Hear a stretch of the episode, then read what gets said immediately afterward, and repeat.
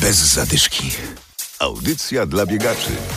Po raz pierwszy w historii zwycięzca poznańskiego półmaratonu złamał barierę jednej godziny. Usaidin Mohamed Esa na mecie pojawił się po 59 minutach i 32 sekundach. Dziś w programie relacja z Wielkiego Święta Biegaczy, czyli 13 poznańskiego półmaratonu.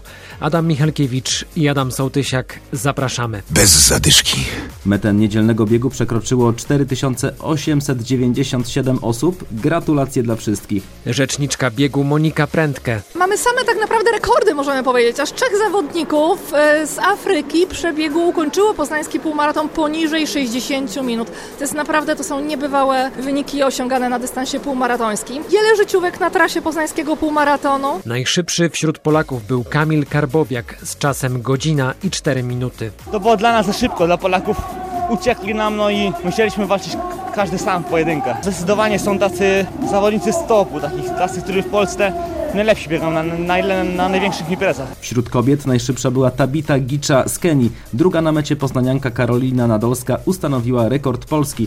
To 1 godzina 9 minut i 18 sekund. Udało mi się zebrać po Igrzyskach Olimpijskich jeszcze raz wraz z mężem Zbyszkiem Nadolskim, który jest moim trenerem, córką, która z nami jeździ po świecie. Dzisiaj udało mi się nabiegać upragniony rekord Polski. Mimo drugiego miejsca jestem bardzo zadowolona. Rekordów życiowych na trasie nie brakowało. Sprzyjała temu pogoda, nie było za ciepło, nie wiało. A całkiem dobrze, życiówka, poniżej dwóch godzin.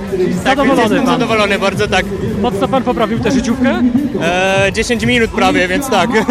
Jestem z siebie dumny. Czyli jaki czas, jaki wynik? Czy to nie ma znaczenia w ogóle? Nie ma znaczenia, po prostu z- jakiś cel miałem do osiągnięcia i go osiągnąłem. Pierwszy pana Tak, półmaraton? pierwszy półmaraton Jak na pewno było? i nie ostatni. Jak było na trasie? Y, Trasa była no, okej, nie była jakaś ciężka trasa, chociaż końcówka była ciężka, bo miałem wrażenie, że było cały czas pod górkę, ale dałem radę. Któryś taki odcinek trudniejszy, bez kibiców, że mniej ludzi, mniej dopingu? Wie pan co, no ja nie wiem dokładnie, chyba to była ta droga dębińska, tam były lasy chyba tak bardziej, ale ja tak za bardzo nie znam Poznania. Pan nie jest z Poznania. Nie jestem z Skąd Poznania. pan przyjechał? Okolice Wągrowca. Kibice na trasie, jak trasa w ogóle? E, Dobrze, znam trasę, bo już e, biegnę kolejny raz. Który to pana półmaraton w Poznaniu? Drugi, bo ja zacząłem biegać jak miałem 65 lat, a mam teraz 70 Co skończone. pana skłoniło do biegania? Kolana mnie bolały, o tak zawsze mówię. A na trasie biegaczy wspierali niezawodni kibice. Było to bardzo potrzebne, zwłaszcza pod koniec, gdzie na 20 kilometrze był spory podbieg.